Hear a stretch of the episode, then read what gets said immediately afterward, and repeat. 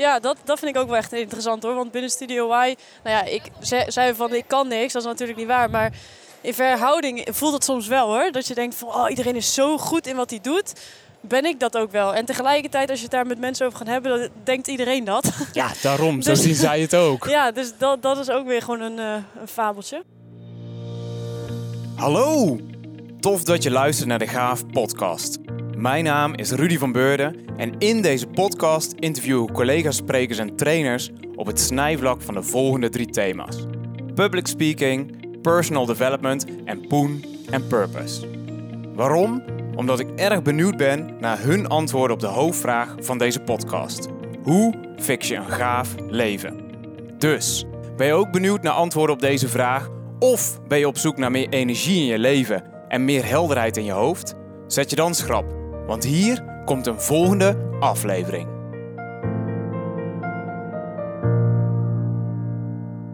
Goedemiddag iedereen, zometeen station Cirkelbos. Nou, de korte stop zal deze trambrug willen rijden richting Eindhoven. Weer van ontzettend aan het eindpunt Heren.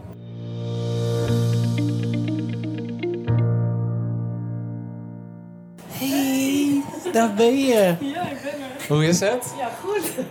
Ben je al lang weer terug in Nederland?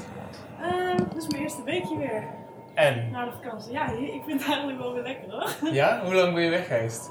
Drie weken echt. Echt eh, drie weken in Amerika. Dus dat was echt top. Dat zag ik in het filmpje. Ja, oh ja. Wil je hier blijven zitten of wil je juist een rondje lopen? Zullen we een rondje lopen? Ja, dat is leuker hè? Hey Laurie, supergoed dat je er bent. We lopen hier op het eh, superdrukke centrale station van Den Bosch. Bos. En eh, jij bent eh, vandaag uit Zeist gekomen. En ik was Ja. vandaag in Utrecht. Maar jij gaat vanavond nog door naar... Hierna? Ja. Naar Tilburg. En ik ga door naar Eindhoven. Dus we kunnen- we komen elkaar hier mooi kruislinks tegen. Tijdens de, de avondspit zo'n beetje. Het is super druk. Ja. Het is ook heel lekker weer. Het is nog zomer. Het is nog een echt een goede zonnige week. En wij gaan met onze Straaljaar headset eh, gewoon het eh, stadscentrum in of zo. Ja. Of een rondje lopen. We gaan zien waar we uit. Hey, super spontane afspraak. Want ik heb je gisteren pas geappt. En je bent gewoon eh, vrij en beschikbaar. En het kwam helemaal goed uit.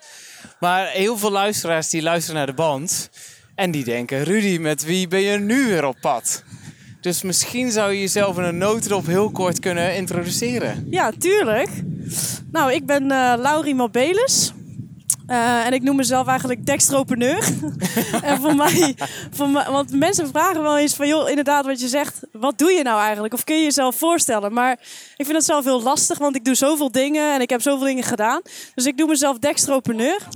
En voor mij staat dat voor eh, ondernemer met energie. Ja, heel belangrijk. Ja, en op dit moment eh, eh, werk ik eigenlijk samen met, eh, met negen anderen bij Studio Y.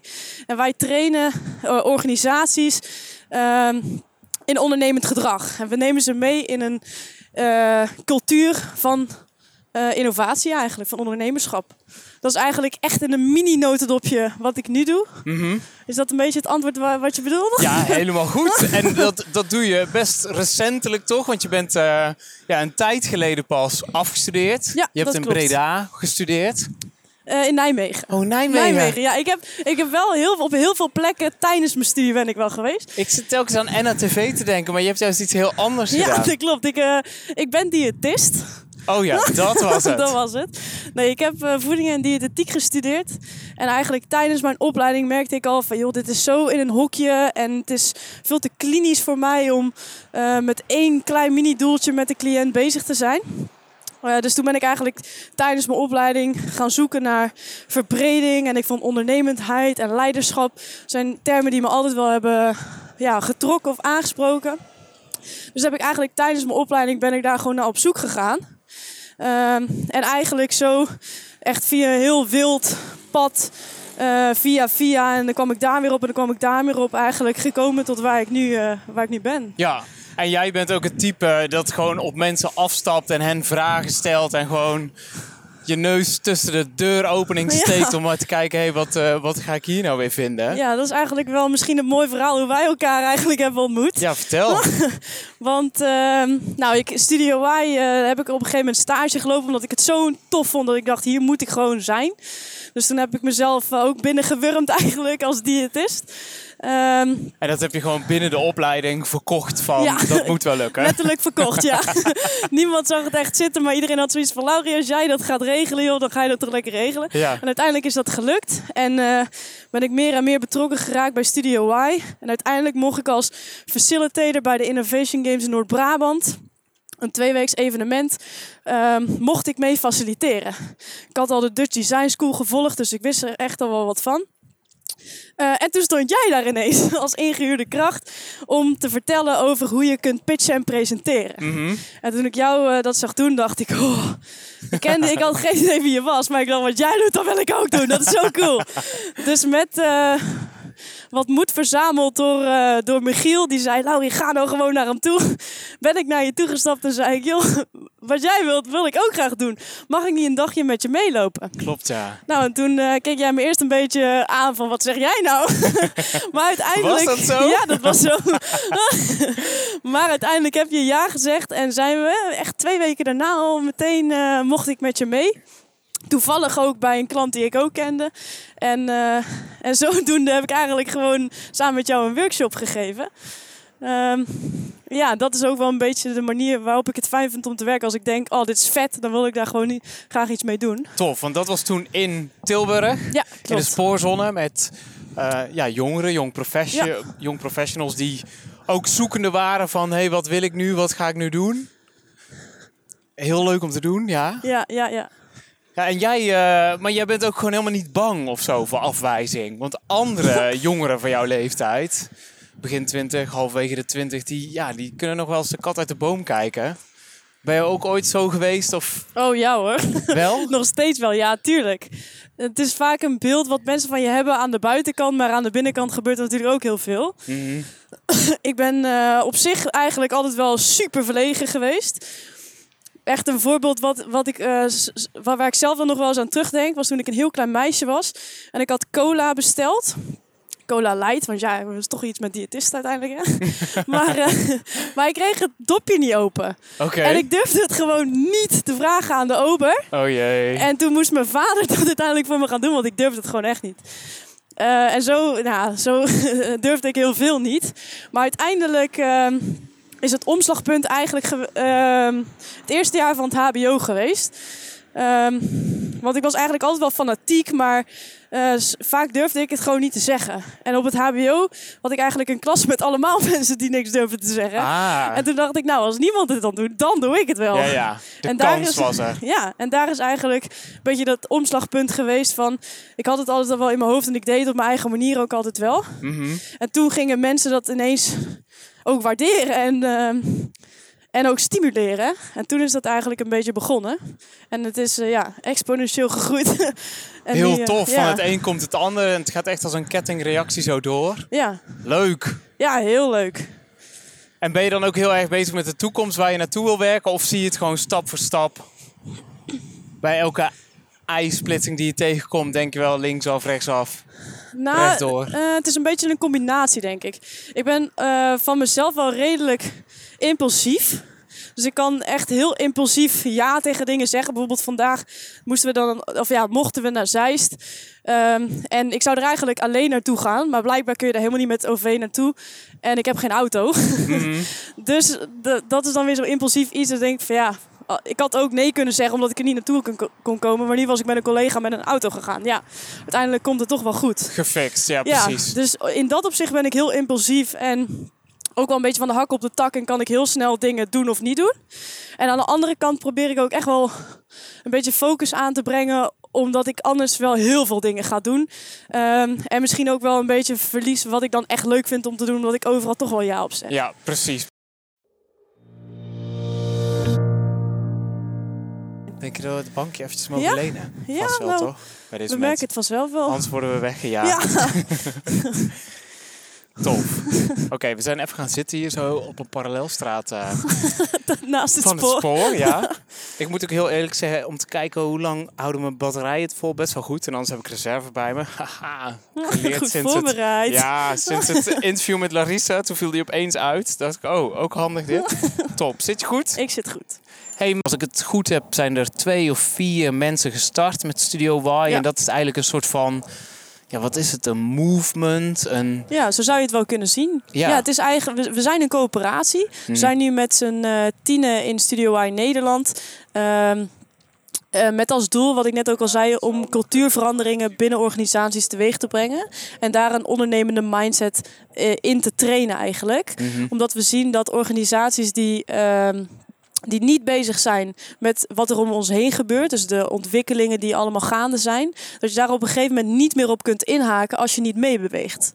En dat is eigenlijk wat wij, eh, wat wij doen. Dus we trainen organisaties in die ondernemende mindset om met die veranderingen mee te kunnen groeien. Mhm. Hey, en pas je die methode van design thinking dus... Ja, hoe zou je het in een notendop, wat is design thinking? Denken als een designer, maar dat is ook vanuit een behoefte terug redeneren van wat je nu al kunt gaan doen om Ja, uiteindelijk zo'n behoefte te vervullen in een notendop. Of... ja, ja, eigenlijk is design thinking. ehm, in, in, vaak in bedrijven werkt het zo: je hebt een eh, probleem. Nou, noem eens een probleem. We hebben heel hoog ziekteverzuim. Och jee, toch. Heel hoog ziekteverzuim. Ja, dat wil je niet. 23 procent. Jee, dat is wel heel hoog. Nou, dat wil je dus niet. Dus we gaan naar een oplossing. En ehm, ken jij bedrijven waarin eh, dat probleem ook is, waar ze al een goede oplossing hebben gedaan?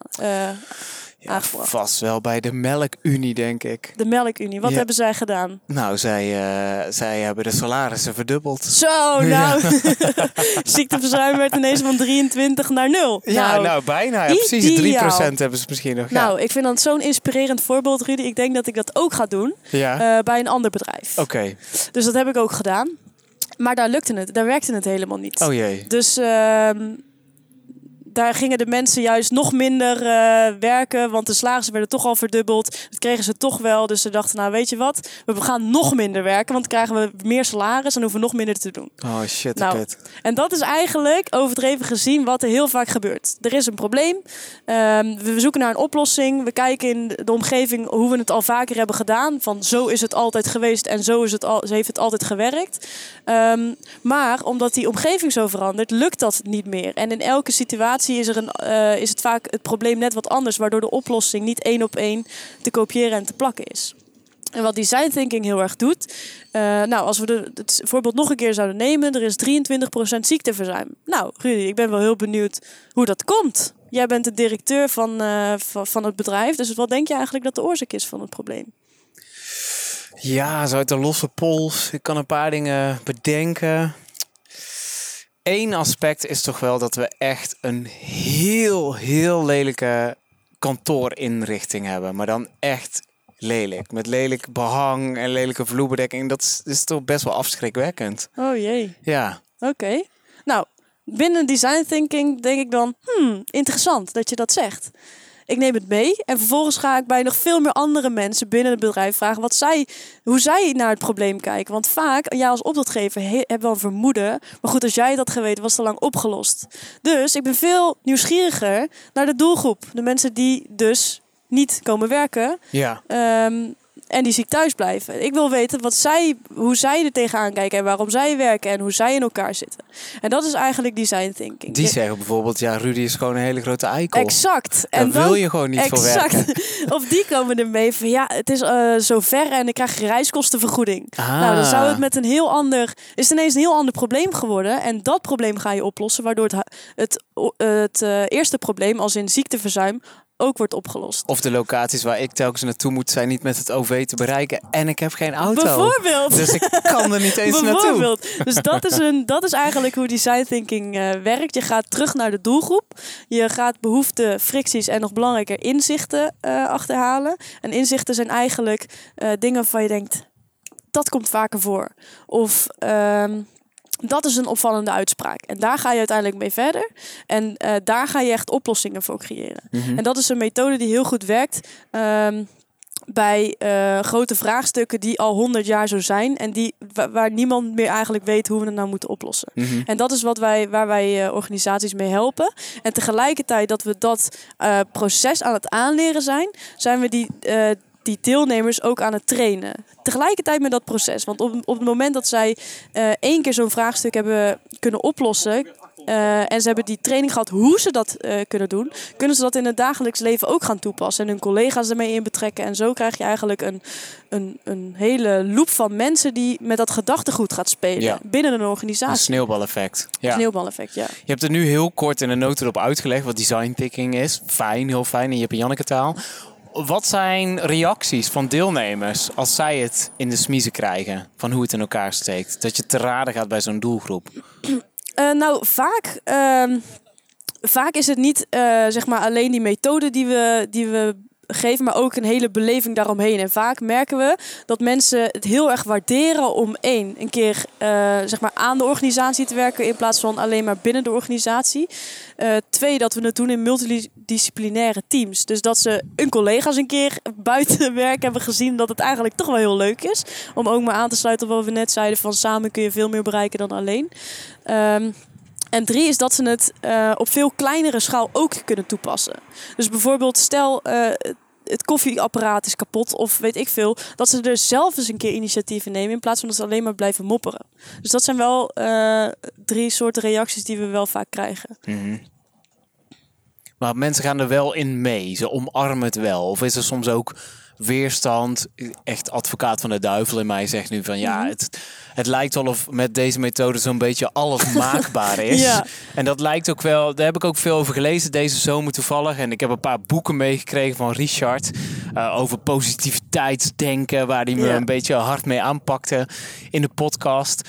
Ehm, en zo zijn er allerlei methodes waar je in kunt geloven. Maar ik kan me ook voorstellen dat je soms trainees hebt, dat je deelnemers hebt die denkt, oh jee, dit is weer de volgende trend. Ja, ja nou, eh, het zou een leugen zijn als dat natuurlijk niet plaatsvond. Ehm, want verandering is spannend, je moet huidige patronen op doorbreken en dat brengt ook angst en onzekerheid met zich mee. En er zijn een heel aantal mensen die dat zeker in het begin niet echt waarderen. Want die hebben zoiets van, weet je, zoals het altijd gaat, gaat het altijd goed. Dus waarom zouden we veranderen? Dus als we zo'n proces aangaan, dan zoeken we eigenlijk vaak naar de early adapters. Dat zijn eigenlijk mensen die eh, binnen een organisatie denken van... Oh, eindelijk gaat er eens iets gebeuren. Ik wil hier energie in steken. Ik wil hiermee aan de slag. Dus met die mensen gaan we, gaan we zo'n traject aan.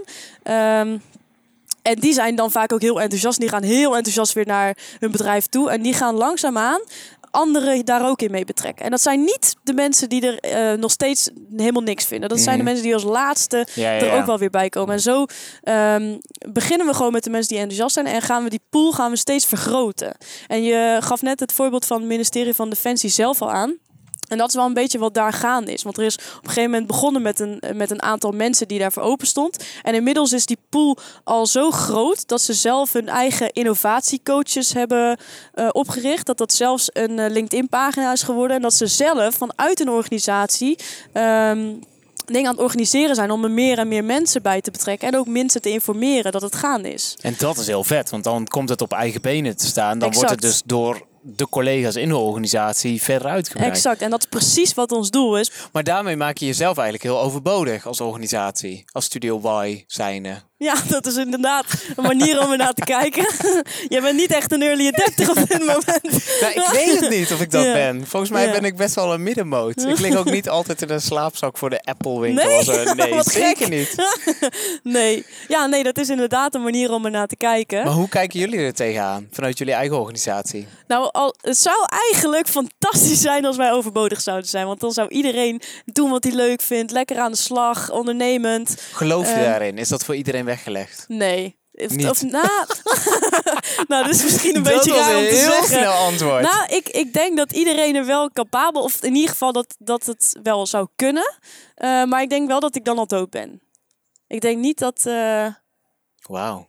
is dat raar om te zeggen? Ja, want het, is nog niet gezegd, maar jij bent echt piep en piepjong. Je bent 22 jaar. Ik ben 22 jaar, dat klopt. dus ja. je, je, bent, je bent bijna in het huidige millennial, Ja, millennium geboren. ja. ja, dat is echt. Wauw.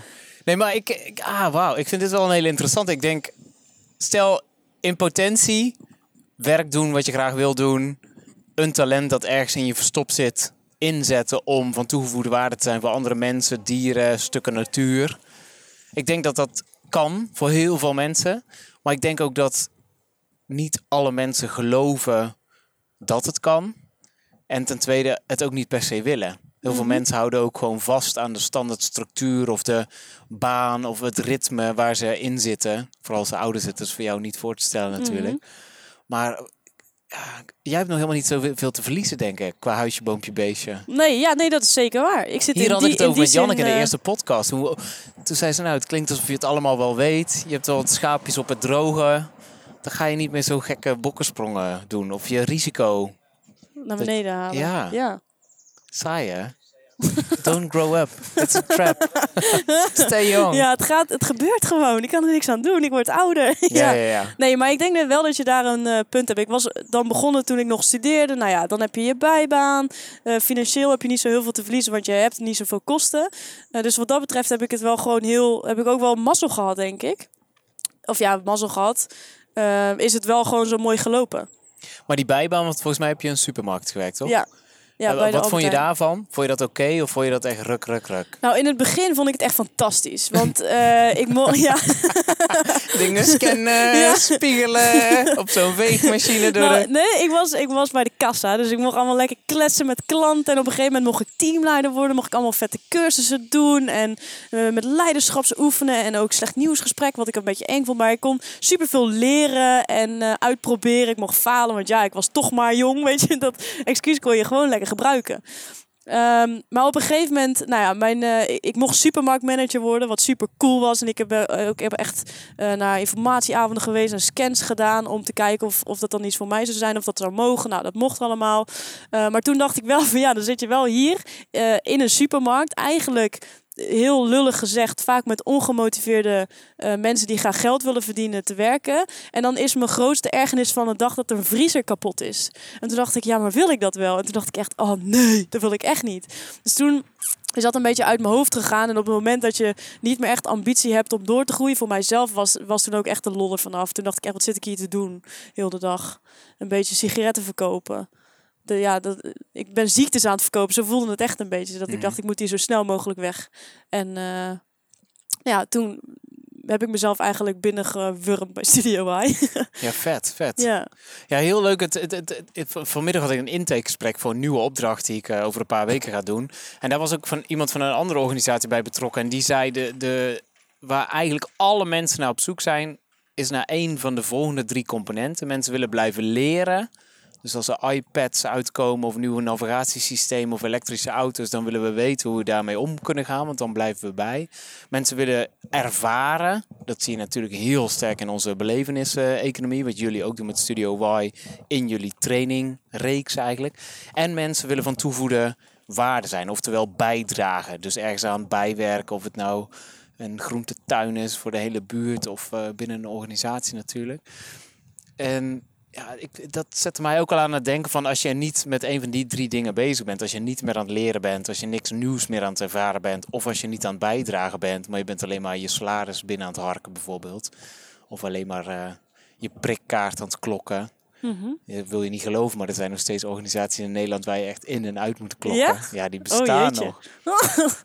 Maar ik, ik gewoon met alle respect, er zijn gewoon mensen die in dit systeem zijn groot geworden en oud Ja, geworden. En die ja. geloven hierin. Dus ik denk ook als er van die blije eieren binnenkomen van een jaar of 22, nat achter de oren, met zo'n heldere open blik als jij, die Laurie heet, en die gaan zeggen, nou, we gaan eens even lekker design vinken. Het kan ook wel een flinke bedreiging zijn. Ja, ja, ja, dat is precies ook wat, wat we net zeiden. Hè, van eh, die mensen die aan het eind van het ritje misschien wel of niet ook aangehaakt zijn. En dat is ook waarom ik eigenlijk misschien wel heel erg direct zei nee. Er zijn gewoon oprecht mensen waarvoor het misschien niks is. Heb je daar wel eens hele eerlijke reacties van gehad? Ja, misschien wel een beetje te eerlijk. Of tenminste, ik schrok er heel erg van. Ik was... ik was ja, De schrik staat nu nog in je ogen. ja ik, was, ik was zo mijn best aan het doen om een groepje eh, te helpen ehm, eh, in een project. En één meneer, die had er gewoon, die had al van tevoren bedacht dat hij er gewoon geen zin in had. Nou, dat, dat zag je, dat voelde je en dat hoorde je. Eh, en op een gegeven moment dacht ik van ja, ik ben hier voor het proces en het proces gaat nu de verkeerde richting op. Dus ik had niet op het individu iets eh, gezegd, maar ik zei op procesniveau, jongens, eh, het gaat nu deze kant op en wil je naar dit doel eh, komen, dan is het handiger om deze stap te nemen. En op een gegeven moment draaide hij zich gewoon om en is hij gewoon heel de middag met zijn rug naar me toe gaan zitten. En toen dacht ik toch wel echt, wat moet ik hier nou toch mee? Ik heb het maar een beetje gelaten en ik heb me gefocust op de mensen die, die er wel voor open stonden en die zich ook een beetje schaamden voor die meneer. Mhm. Maar eh, ja, dat gebeurt. dat gebeurde echt gewoon met zijn rug naar me toe. En eh, toen de rest wel met mij mee eh, dacht van wel, nou de feedback die je geeft is wel, daar kunnen we echt wat mee. En die gingen daar ook mee aan de slag. Is hij naar de wc gegaan en heb ik hem daarna ook niet meer gezien. Dus dat was wel eh, heftig. heel, ja, dat vond ik zelf dat ik echt Gewoon een beetje ervan volwassen schrok. man. Een volwassen man, ja. Ook gewoon een redelijk hoge functie binnen een bedrijf. Dat ik echt dacht, nou, wat, wat is dit nou weer voor eh, kinderachtig gedrag? Maar Wat goed, zou je de volgende keer doen als zoiets zou gebeuren? nou, wat ik nu ook wel merk is, ik heb een bepaalde kracht. Ik ben heel erg energiek en ik kan mensen echt wel in een flow brengen om lekker positief aan het werk te gaan. En sommige mensen, die, dat, daar zit ik echt in een allergie. Ja. Nou, dat, dat kan. De, zo zitten mensen bij mij ook in een allergie. En op het moment dat ik dat probeer te voorzien, pak ik gewoon een andere collega en wisselen we bijvoorbeeld van groepje. Of dan zeg ik, oh, kun jij even bij dat groepje aanhaken, want eh, het is niet echt een match, bijvoorbeeld. Ja, ja. Dus proberen we eigenlijk gewoon met elkaar eruit te komen. En dan pak ik weer met mijn kracht een ander groepje wat mij juist weer heel erg kan gebruiken. Ja, precies. Bij wijze van. Ja. Dus ik heb het ook, ik accepteer het ook maar gewoon van die mensen zijn er. eh, acceptatie eh, en door. Ja, ja. ja, dat is soms ook gewoon een reactie op jouw stijl. Ja, in plaats ja. van op jou als persoon. En als je dat dan los van elkaar kunt zien, dan is het al wat lichter. Ja. En misschien ook een time-out en het dan benoemen van... Oké, er gebeurt nu iets. We zijn benieuwd wat hier gebeurt. En dat je misschien één op één een momentje neemt met die persoon. Mocht er geen vervanger voorhanden zijn natuurlijk. Ja, Eh, ja. Want ja, de bal moet hoe dan ook wel een keer blijven rollen. En het kan niet zo zijn dat iemand een stok eh, tussen de spaken steekt... en dan het proces frustreert Ja. voor iedereen. Ja, zeker. Het benoemen is eigenlijk, denk ik zelf, dan nog echt wel een betere methode dan een collega daarbij betrekken. Want dan ga je het eigenlijk een beetje uit de weg. En het is juist vaak heel goed om het open te breken om dan uiteindelijk verder te komen. En in het voorbeeld wat ik net benoemde was het een halve dag. Dus toen dacht ik, nou, het is echt de moeite niet om dit nu te gaan doen. Maar als het echt een week zou zijn, dan zou ik dat echt wel doen. Ja. Wel ook, tenminste, ik vind dat dan zelf echt, het, het is net alsof ik dat dagelijks doe en perfect dat kan. Nou, helemaal niet. Ik vind dat super moeilijk. Zeker eh, om een beetje ja, slecht nieuws of ja, dat vind ik dan helemaal Oh, niks. vind ik ook verschrikkelijk. Ik Ja. ben al 200 jaar ouder dan dat jij bent. en ik eh, kan, kan ik gewoon geen slecht nieuws brengen. Ja. I wanna be the nice guy. Dat is gewoon mijn complex. Ja, dat, dat zou ik ook wel willen, maar dan de vrouwelijke versie. Maar goed, ergens vind ik het ook wel weer leuk om daar mezelf een beetje voor uit te dagen. En dan, eh, wat ik dan nu wel eens doe, dan een collega die daar heel goed in is, dan gaan we gewoon het gesprekje oefenen of zo. Een beetje kinderachtig, maar het werkt wel. En daarna dan denk ik, oké, nu heb ik wel vertrouwen in dat ik het zou kunnen doen. En dan ga ik het doen, Mhm. bijvoorbeeld. Dus meer op die manier eh, dat dan toch te proberen. Maar wel op een manier die bij mij past en die, Ja. waar ik ook me comfortabel bij voel. Ja. Ja, een soort van eh, bijna, eh, oh, wat is het, een natuurkundige wet of een onderligger. Waar ik het met Roel, met mijn vriend, ook in de zomervakantie op heb gehad. Terwijl we aan het kamperen waren in Oostenrijk en in Slovenië en in Kroatië zijn we geweest. Hij is ook zelfstandig trainer voor jongere groepen. Eh, sommige hele uitdagende groepen ook met gedragsproblemen of in jeugdinstellingen. Heel diverse jongeren. En hij zegt, ik refereer heel vaak aan het 3G-model. En ik vraag dan aan hem, wat, wat is het 3G-model? Ja. Het klinkt zelfs al een beetje outdated, want we gaan bijna over op 5G. Toen zei hij, dat is notabene jouw eigen model... waar jij over hebt gesproken tijdens heel Brabant Spreekt. Wat jij zegt, na mijn, Rudy's ervaring... eh, door het hele land, eh, langer dan 10 jaar... mensen willen gezien, gehoord en gewaardeerd worden... En hij heeft ook een achtergrond in de telecom. Dus hij heeft het gewoon voor zichzelf in zijn hoofd als 3G-model gezien, gehoord, gewaardeerd, omgedoopt. En hoe vaker we het da- we daarover hebben, dat is wel echt het geval. Want zo'n man, of die nou Frans of Harry of Remco heet, die met zijn rug naar jou toe gaat zitten, die voelt zich misschien zo gekwetst in de manier hoe hij het al twintig jaar met alle oprechtheid aanpakt. eh, wat eigenlijk afgeserveerd wordt van, nou, die stap die jij voorstelt is niet de juiste om tot het doel te komen. Wat hij misschien helemaal geïnternaliseerd heeft. En dat is best wel kwetsend eigenlijk. Als je dat hoort van iemand met alle respect die 20 of Ja, 30 jaar ja, ja. jonger is. Ja. Ehm, ja, dus dat hij, hij. Pijn zit er gewoon een beetje in. Terwijl als je dan echt oprecht eventjes een time-out hebt en de tijd neemt en zegt Frans of Harry of Remco of hoe is je naam ook alweer? Ehm, wat is er aan de hand? Dat hij even kan ventileren. En ik, ik, terwijl ik daar ook met Rol over heb en ook in onze relatie of zelfs op vakantie als je gaat kamperen, als je dat ooit hebt gedaan of in een vreemd land rijdt, nou dan gebeurt er altijd wel iets waardoor je even de ander niet ziet of niet hoort of niet helemaal waardeert zoals het zou moeten. Maar je dient gewoon een time-out of een pauze in te lassen om gewoon weer dichter tot elkaar te komen, Ja. denk ik. Dus Ja. dat 3G-model is soms ook wel een soort van snelle check van is alles eigenlijk nog wel oké? Zie ik mijn deelnemers eigenlijk nog wel? Of zie ik de mensen in het publiek? Of ben ik nu dingen aan het zeggen die zo tegen het verkeerde been aanstoten? Waardoor je ze eigenlijk verder van je afduwt dan dat je ze iets nieuws bijbrengt waar zij iets zouden aan kunnen hebben. Ja, ja. Ja, cool. Moest ik even over denken. Maar Ja. interviews met jou en een van de Nee, het is pijlers... geen interview, het is ja, het een is gesprek. Daar zijn we tot gekomen, ja. Ja. Omdat ik vooral de eerste keer kreeg zoveel reacties van... Nou, ik heb Janneke nauwelijks gehoord. Je was alleen maar zelf aan het spreken. Een van de pijlers is ook Poon and Purpose. En toen de microfoon nog niet aanstond, zei je... Daar ga ik ook wel op aan.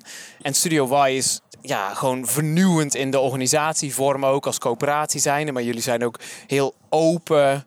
Hoor ik in een LinkedIn filmpje wat je opnam terwijl je op reis was in, in Amerika. Een oproep aan Simon Sinek. Ehm, dat jullie ook de openheid van, van eh, salarissen open hebben gegooid. Ja. En daarbij dacht ik ook aan eh, een tegenlicht-uitzending. Radicaal anders met die eh, purpose-driven onderneming uit Brazilië. Ricardo Semler. Met Semco, de Semco-style. Dat je mensen echt laat doen wat ze willen doen. Dus zelfsturend en heel de managementlaag ertussenuit. Ehm, nu je dit gewend bent, deze manier van werken, denk je ooit dat je terug kunt in een conventioneel bedrijf, zoals zo'n supermarkt of een. Nou, ik denk dat ik doodongelukkig zou worden. Ja, Ja, een collega van mij, die zei, wat zei die nou toch laatst? We zijn iets van het, eh, het afvoerputje van de samenleving geworden of zo. We kunnen niet meer terug. of ja, het afvoerputje is dan wel heel negatief eh, geformuleerd. Maar we zijn nu zo eh, vrij en ehm, je bent verwend. we zijn zo verwend. En tegelijkertijd doen... Box van Pandora die open is gegaan. Zo kan Ja. het dus ook. Ja, ja, dus ik denk niet dat ik het nog kan. Als iemand, dat had ik altijd al wel hoor. Maar als iemand tegen me zegt je moet, dan krijg ik eerst al kippenvel. En als ze daarna ook nog niet uit kunnen leggen waarom het echt nuttig is, nou dan ben ik helemaal klaar. Daar kan ik echt helemaal niks mee. Ik moet zelf echt kunnen begrijpen waarom het nuttig is. Ehm, en dan vanuit mijn intrinsieke motivatie daar iets mee gaan doen. Maar op het moment dat iemand tegen me zegt je moet. En dan ook nog niet eens kunnen uitleggen waarom, nou dan, eh, Ja. ga ik niks doen. Ja, wat dat betreft zijn jij en ik echt uit exact hetzelfde hout gesneden. En tegelijkertijd hoor ik 300.000 twintigers die in potentie naar deze podcast zouden kunnen luisteren, roepen hoe dan? Ja. Want die zitten nu ergens bij een marketingbureau of achter een traineeship bureautje, Ja. wat dan ook. En tussendoor gaf je al aan, ik heb heel veel geluk dat jij dit pad hebt gevonden. Maar hoe is het voor hen mogelijk? Want het lijkt bijna wel een soort van elite positie. Dat, je, dat je zo met de neus in de boter bent gevallen. Ja, ja, het is natuurlijk een beetje vanuit twee kanten. Eh, Ik denk, nou, het is wel echt een beetje die ondernemende mindset. Kijk, ik ben een diëtist. Hoe, hoe zou je ooit als diëtist bij Studio Y terecht kunnen komen? Ja, door er zelf iets aan te doen. En ik denk dat dat vooral ehm, echt belangrijk is. En het is, het is natuurlijk ook een financieel aspect. Kijk, als student had ik niet zoveel te... ehm, te besteden, maar ik, ik had ook niet zoveel nodig. En nu ehm, heb ik ook nog steeds niet zoveel nodig. Dus het is ook een beetje hoe, je, hoe moeilijk je het zelf maakt. Op het moment dat je gewoon niet zoveel uitgeeft, heb je ook niet zoveel nodig. Dus dan kun je veel meer risico nemen om toffe dingen te gaan doen. Ja. En je hoeft ook niet meteen betaald te krijgen voor toffe dingen. Die workshop die wij samen hebben gedaan, heb jij mijn drankje betaald? Nou, ik was zo blij. ik vond het zo cool. Ik heb een collega het opgebeld. einde van de maand Ik heb, ik heb mijn collega opgebeld. Ik zeg, weet je wat het was? Rudy heeft een drankje. We hebben samen een drankje gedronken. Nou, ik was zo blij. Ik nou, was zo dat was trots. het laatste wat ik je cadeau kon... eh, Nou, ik was zo trots daarop dat ik dacht van, nou, je had me 100.000 euro kunnen geven, maar dat drankje, nou, dat was voor mij zoveel meer waard op dat moment. En dat is ook waarde. En op het moment dat jij iets heel graag wilt en eh, je gaat een stap in ondernemen, dan moet je ook niet de illusie hebben dat het meteen gaat lukken. Zeg maar, nu lijkt het net alsof ik van diëtist ineens bij Studio Y werkzaam ben geweest. Maar daar heb ik ook echt wel mijn best voor moeten Ja. doen hoor. Ze, ze, ik, op een gegeven moment was ik er een beetje klaar mee. Want ik, ik mocht dan sommige projecten meedoen. Dat vond ik echt super vet. En dat deed ik ook eh, Albert Heijn afzeggen, regelen, alles. Nou, alles werd geregeld. Ehm, en één keer ging iets ook niet door. Ja, dat, dat ging dan niet door. Toen dacht ik, ja, gaat niet door, gaat niet door. Hallo, ik heb alles geregeld. Ja. Dus toen dacht ik van, ik wil hier meer aan doen en jullie gaan het niet geven. Nou, dan moet ik het blijkbaar doen. Dus toen heb ik een filmpje opgenomen ehm, met gezegd van, joh, ik wil hier gewoon werken. En met een paar argumenten die ik zelf heel grappig vond, waar ik zelf helemaal moest lachen. En heb ik gewoon iedereen van het bedrijf in een groepsapp gegooid, dat filmpje erin gedaan en toen zei ik, jongens, veel kijkplezier. Toen ben ik er gewoon weer uitgegaan. En toen moesten ze wel iets gaan zeggen. En Wat nee was dan ook het tactiek. Je antwoord. hebt gewoon een WhatsApp groep Ja, gemaakt met, influencers die het voor het zeggen hebben. Ja. Dan heb je gewoon een bommetje gegooid en meteen ben je weer uit die WhatsApp groep Ja, gestapt. dus ik dacht, dus het is dus ook niet dat het is aankomen waaien. Kijk, ik heb enerzijds een beetje geluk gehad, of misschien heb ik goed opgelet wat er op mijn pad kwam en heb ik daarop ingehaakt. Eh, en, voor, en jouw vraag van hoe kunnen mensen die aan het huilen zijn achter een bureautje dat ook doen? Nou, door gewoon kleine stapjes te nemen. Wat, wat zou je graag willen doen? Nou, hoe kun je daar komen? Nou, eh, ik heb jou benaderd. Dat vond ik ook echt heel spannend. Daar heb ik me een half uur moed verzameld om dat te gaan doen. En toen nou stond weet er ik ook het weer. Het was hier Ja. in Den Bosch voor het provinciehuis. En toen En je stond- stond zo te trillen en te blauwbekken en eh, schuim op je lippen. En Nou, ik dacht, nou, wat een raar. En toch nog ja gezegd. ja, maar ik denk dat dat het gewoon is. Neem gewoon die stap. En dan kun je weer zeggen van ja, het is heel spannend. Ja, ik vond het ook spannend. En daar ben ik heel eerlijk in. Ik vond het doodeng. Maar toch, eh, het is meer van, eh, ik vind het echt heel eng. En toch ga ik het doen. Ja, En, en later ben je gewoon veel trotser op jezelf dan dat je het niet had gedaan. precies. En Zelfs als is- je een afwijzing krijgt of een Ja. nee of er komt een Ja. omweg. En het gaat En dan echt... dien je wel te weten wat je wil dus. Dus je dient wel goed om je heen te kijken. En Nou, het is meer kansen zien. En eh, je- naar mijn idee hoef je niet echt te weten wat je wil. Want ik weet namelijk ook nog steeds niet echt wat ik wil. oké, Eh, Als ik nu aan jou moet zeggen, wat is nou mijn doel? Dan zou ik echt in termen praten. Dus dan zou ik zeggen, Ja, ja. nou, ik wil iets met projecten. Nou, weet jij dan wat ik bedoel? Nee, weet ik het? Ik weet eigenlijk ook niet echt. Of tenminste, steeds meer weet ik het wel iets concreter. Maar ehm, laatst zag ik weer iemand die muziek maakte en allemaal toffe dingen deed. En ik dacht, nou, op de een of andere manier voelde ik gewoon, is vet. Dus ik heb hem gewoon een mailtje gestuurd. En nou gaan we waarschijnlijk samen zitten om een liedje te maken. nou, dat leek me leuk. En, en het is niet dat ik niet denk, ik word liedjes schrijven. Nee, helemaal niet. Het is helemaal talent niet. En helemaal... Maar ik vind het wel leuk om te doen. En er komt hoe dan ook wel weer iets uit. En dat is net het gesprek wat we in Zeist hebben gehad. Ik had geen idee, ik kon er niet komen. En, maar ik, heb, ik had wel zoiets van, oh, maar dit is wel heel tof. Dus ik denk niet dat je per se... ehm, hoeft te weten per se wat je wilt. Maar op het moment dat je een kans ziet waarvan jij denkt, oh, maar dat is gaaf, gewoon doen.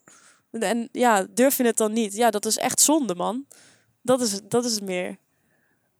ja, Ja, zo zou, ik, zo zou ik het advies willen formuleren. mooi. Hey, en hoe reageerden ze uiteindelijk op die groepsapp? Want jij was eruit, dus je kon niet meer lezen wat ze zeiden. Maar Ja, dat, ze vonden het echt fantastisch. Want eh, Benjo, Benjo die is ooit eh, gestart. En toen ik de Dutch Design School deed, wat ik net ook al vertelde... binnen Studio Y om veel meer over design thinking te leren en het ook zelf te ervaren, eh, was een laatste opdracht om naar alle deelnemers een soort van brief te schrijven. Dus jij deed het voor iedereen en iedereen deed het ook voor jou, dus jij kreeg van iedereen een brief. En Benjo had ook een eh, stuk aan mij geschreven eh, en, die, en één vraag was, wat wens ik jou toe? En Benjo had geschreven, wat zou het gaaf zijn als we, als we samen eh, impact kunnen maken of zoiets. En ik eh, had afgesloten in mijn eigen filmpje wat ik had opgenomen. En ik zeg, Benjo, jij hebt het altijd al gezegd hè. Want jij wil met mij impact maken en nu kan het. Wat een mazzel hebben jullie. Doei! En toen had ik afgesloten. Dus uiteindelijk, Kijk, dat is een beetje op de manier dat ik, dat ik dus zelf heel grappig vind. En dat dat heel erg bij mij past. En dat, waardeerden ze heel erg. Omdat ze me niet willen hebben omdat ik iets heel goed kon. Want eigenlijk kon ik nog niet zoveel. Want ja, ik ben maar 22. Ja, maar zo is het ook wel. Ik heb niet 100 jaar ervaring in wat dan ook. Ja, een diëtist. Maar goed, dat sluit ook niet 100% aan met wat onze core business nu is. Eh, maar, Maar, tegelijkertijd ben je heel helder, je bent duidelijk, je bent energiek, je bent vrijpostig, je bent eh, moedig, je durft. Dus dat zijn heel veel dingen die zij ook wel in jou herkennen. Nou, het is sowieso lekker, lekker in om in mijn zak te steken. Maar dat is inderdaad, of tenminste inderdaad, het is wel dat ze me als persoon hebben aangenomen. En dat vind ik ook juist heel vet aan Studio Y. Is dat eh, we elkaar niet zien als marketingmanager of salespersoon. Nee, diegene is gewoon goed in dat. Ik ben heel goed in, nou, waar ik goed in ben. En daar kun je mij voor gebruiken. Ja. Dus ze hebben me niet echt als functie aangenomen, maar meer als persoon. En dat, dat dat vind ik gewoon super vet. Ja, en je drive en je motivatie, ja. Ja, Hey, en als we dan over dat kopje hebben, Poen en Purpose. ja. In een interview met Nathalie, Nathalie Mangelaars van de Pitch Academy zegt zij ook... Ja, op een gegeven moment moet je ook gaan staan voor de diensten die je levert. En moet je niet alles meer doen voor een cadeaubon van de Bijenkorf of voor een eh, VVV-bon. Uiteindelijk dien je ook wel te verdienen voor wat je doet. Hoe, hoe sta jij erin? Hoe zie jij dat? Want je geeft terecht aan als student had ik nog niet zoveel kosten. Ehm, ik had nog niet zoveel nodig, maar ja, als je ouder wordt of je wilt iets opbouwen, hoe, hoe sta jij erin? Ehm, nou, ik, in deze samenleving heb je gewoon geld nodig. Dus je moet daarin ook wel een beetje streng zijn. Maar ik als persoon vind het soms ook wel moeilijk. Dan ben je weer eh, hoofdpersoon in mijn verhaal. Want jij vroeg mij ook een tijdje terug... Laurie, eh, ik, ik heb een leuke workshop en ik denk dat jij dat wel heel goed kan doen. En toen dacht ik echt, oh, Rudy, die mijn drankje had gekocht, die wil me nu, oh, die wil me nu als, wow, dat is cool, die wil me nu als, als workshopleider. Oh, Wow. jeetje. Dus ik dacht, wow, dus ik heb meteen ja gezegd. En toen vertelde ik dat dus aan eh, mijn collega's en toen zei ze, eh, en krijg je er ook iets voor? Oh, dat heb ik eigenlijk helemaal niet gevraagd. Ik heb meteen ja gezegd. Nou, dat was les 1. Altijd vragen. Staat er iets eh, tegenover? Nou, dan heb ik ook. Ja, precies. Dan hoef ik.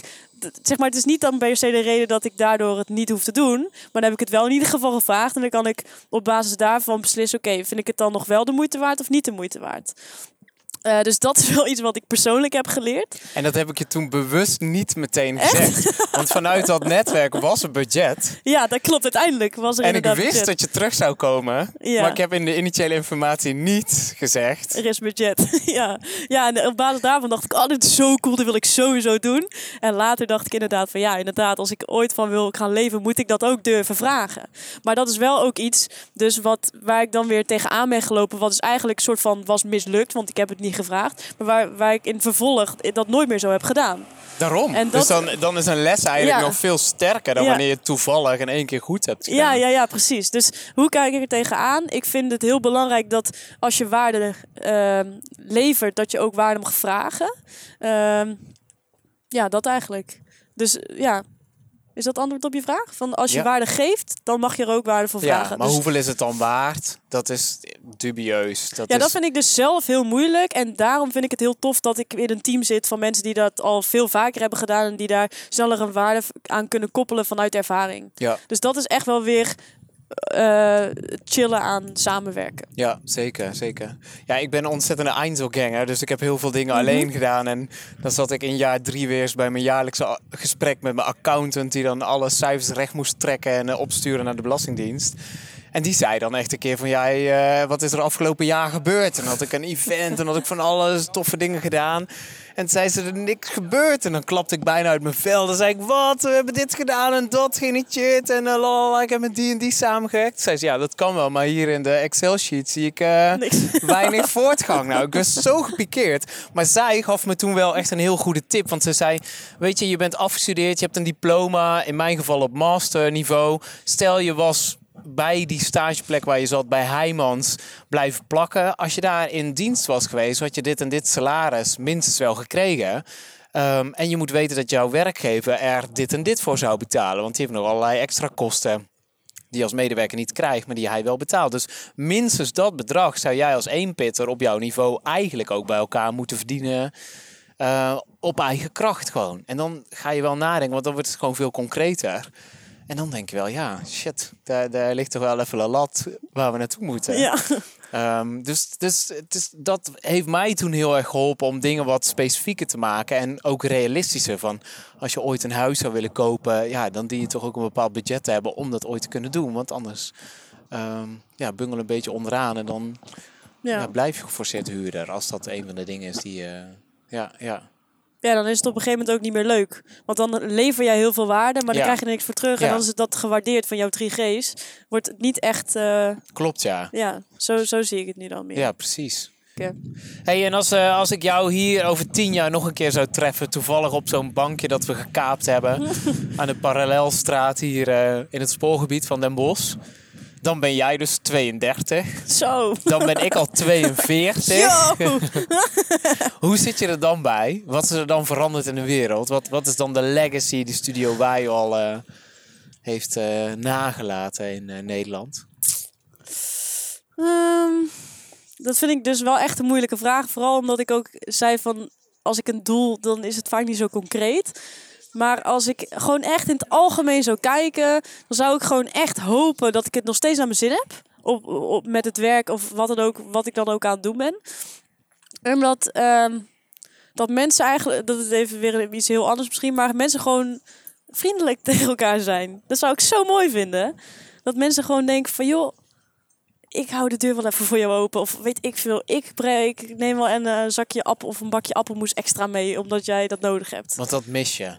Nou, dat is nog een ander verhaal. Wij wonen in een appartementencomplex. ehm, In Tilburg. in Tilburg met, ja, ik denk maar 30 appartementen of zo. Dus in principe moet je iedereen prima kunnen kennen. Ehm, nou was er een eh, nieuwe buurvrouw eh, naast ons. Dus ik dacht, ik ga even een handje geven, want ze stond buiten. Ik zeg, oh ja, goeiedag, welkom. En toen bleek ze er al drie maanden te wonen. kan echt niet, toch? Ik dacht, nou, ik schaamde me echt een beetje. Ik oh, het is toch stom dat we elkaar niet zo goed kennen. Ja, ja, inderdaad. Nou, diezelfde week eh, was er een eh, pakketje van bol.com. eh, die bij mij werd afgeleverd voor iemand anders. Het was best wel een groot pakket. Maar ik vond het prima. Weet je, maar mij dat uit. En eh, ze kwamen dat pakket maar niet ophalen. Maar het was echt een groot pakket. Dus ik was er op een gegeven moment een beetje klaar mee. Eh, en toen dacht ik, ik ga het zelf wel even brengen. Dus toen, eh, nou, ik zelf gebracht ook hoor. Ja, ja, ik was al een aantal keer langs geweest. Sorry, maar je was er niet. Bleken die mensen er ook al drie jaar te wonen. Nog nooit gezien, nog nooit gesproken. En toen dacht ik echt, we moeten hier iets aan doen. Dus ik zei ook van, we moeten eigenlijk echt een buurtbarbecue of zo organiseren. Ze zei, ja, het zou echt leuk zijn. En ik met mijn impulsieve gedrag zo, oké, dan gaan we dat nu regelen. En toen stond ik ineens bij hun binnen, terwijl ze gewoon aan het avondeten waren. Maar ik stond er al, het is een beetje ongemakkelijk. Maar toen hebben we een briefje geschreven. Van eh, wie, wij hebben het idee om iets leuks te organiseren. Wie heeft daar nog meer behoefte aan? Toen hebben we dat beneden op het prikbord gehangen. En binnen twee dagen had bijna iedereen hun huisnummer opgeschreven. Toen dacht ik echt, oh cool, mensen willen dit. Dus we hebben het uiteindelijk, eh, nou, met telkens briefjes beneden op het prikbord hebben we het georganiseerd. En ehm, echt met een man of 15, 20 hebben we dus echt gebarbecued. Jong en oud bij elkaar. Dus dit is eigenlijk ook al gewoon een vorm van design thinking. Want je bent gewoon bij je buren gaan inventariseren waar zij behoefte aan hebben. Ja, ja eigenlijk wel, niet dat zo zegt. ja, en nou, toen? Nou, ehm, het, is, het is gebeurd. We hebben de barbecue gehouden. En eh, een paar dagen later, echt ontzettend schattig... eh, hadden we een briefje in de brievenbus van eh, de oude garde in het appartementencomplex. Dat ze ontzettend dankbaar waren dat we het hadden georganiseerd. En ehm, dat ze heerlijk hadden gegeten. En dat ze vooral heel erg dankbaar waren voor de aandacht. En toen dacht ik echt, oh, ja, Dan smelt je toch een beetje. ik smolt helemaal weg. Eh, Wat leuk zeg. ja, Leuk. Dus daar wens je gewoon veel meer van in de komende tien jaar. Ja. Dat iedereen gewoon lekker blij is. Blij eh, privé, blij op het werk, blij. Gewoon iedereen is blij. Dat zou ik mooi vinden. Maar af en toe ook wel ruimte voor een traan en een knuffel. Uiteraard. En ruk, Lekker- ruk, ruk. gewoon Zit dat even tegen. Iedereen lekker zichzelf kan zijn. Dat niemand zich schaamt. En dat iedereen over het algemeen heel blij is. En als die niet blij is, dat het ook oké is. Ja, Ja, ja. inderdaad. Dat moet ook kunnen hoor. Zeker weten. ja. Misschien is de volgende trend in organisatieland eh, de Studio Y-methode wel. Och, dat zou tof zijn hè. Ja. Ik zou Zijn jullie al tof vinden. Studio White? En dan heb je zo'n stempel. Boem, Ja. Dan kun je dan voor op de deur. eh, ja, ja, dat zou echt cool zijn. Zo'n soort van, ehm, net als bij restaurants van TripAdvisor, een vijf sterren en dan Studio Y, approved. Kabam, zo Wauw, is het. Dat zou tof zijn. Ja, mooi. Ja. Hey, eh, langzaamaan zitten we echt wel tegen het einde van deze podcast aan. Waar kunnen mensen die wild enthousiast zijn geworden over design thinking, over Studio Y, maar ook over jou, Laurie, waar kunnen ze meer informatie vinden? Nou, ik denk bij mij. dus ehm, LinkedIn lijkt me het makkelijkst of naar laurie.studioy.nl. Laurie at Studio Y en je volledige LinkedIn is Laurie Mabelis. Mabelis. Makkelijk. Nou, dat is niet zo makkelijk die achternaam, maar ik geloof in... Exact. That's it. Ja, dat is hem. Nou, dit was er weer eentje vanuit het mooie Brabantse land. Daar voel jij ook helemaal op je gemak natuurlijk. Ja, zeker. We lopen langzaamaan weer terug naar het eh, hele mooie treinstation. Daar ga jij een trein pakken richting Tilburg en ik eh, een intercitytje naar eh, Eindhoven. En dan was dit podcast nummer 11, Laurie. Ja. En de volgende, dames en heren, komt naar jullie toe helemaal vanuit het oosten van het land. Want dan ga ik naar Nijmegen om daar Niels Roemen te interviewen. En nu kunnen we nog doei zeggen, hè, Laurie. Nou, 3, 2, 1. Doei! hey jij daar, zit je met een vraag of heb je een suggestie voor hoe deze podcast nog gaver kan worden? Of misschien ken je wel iemand die ik echt, echt, echt moet interviewen? Stuur me dan een mailtje via podcast.gaaf.eu. gaan we sportief zijn? Ja, doen we. We pakken de trap naar Den Bosch Centraal. Ja, het is toch een diëtist waar je mee bent. Ja, het heeft toch wel sport iets en sportig. achtergelaten. Zo is het. Suikervrij cola. Ja. Je Ja. pakt nooit de roltrap, laat staan de lift. Nou, soms wel hoor, maar meestal niet. Zijn de kleine dingetjes. Hey, zullen we nu echt op stop drukken? Ja. Oké, gaat ie. 3, 2, 1. Bye.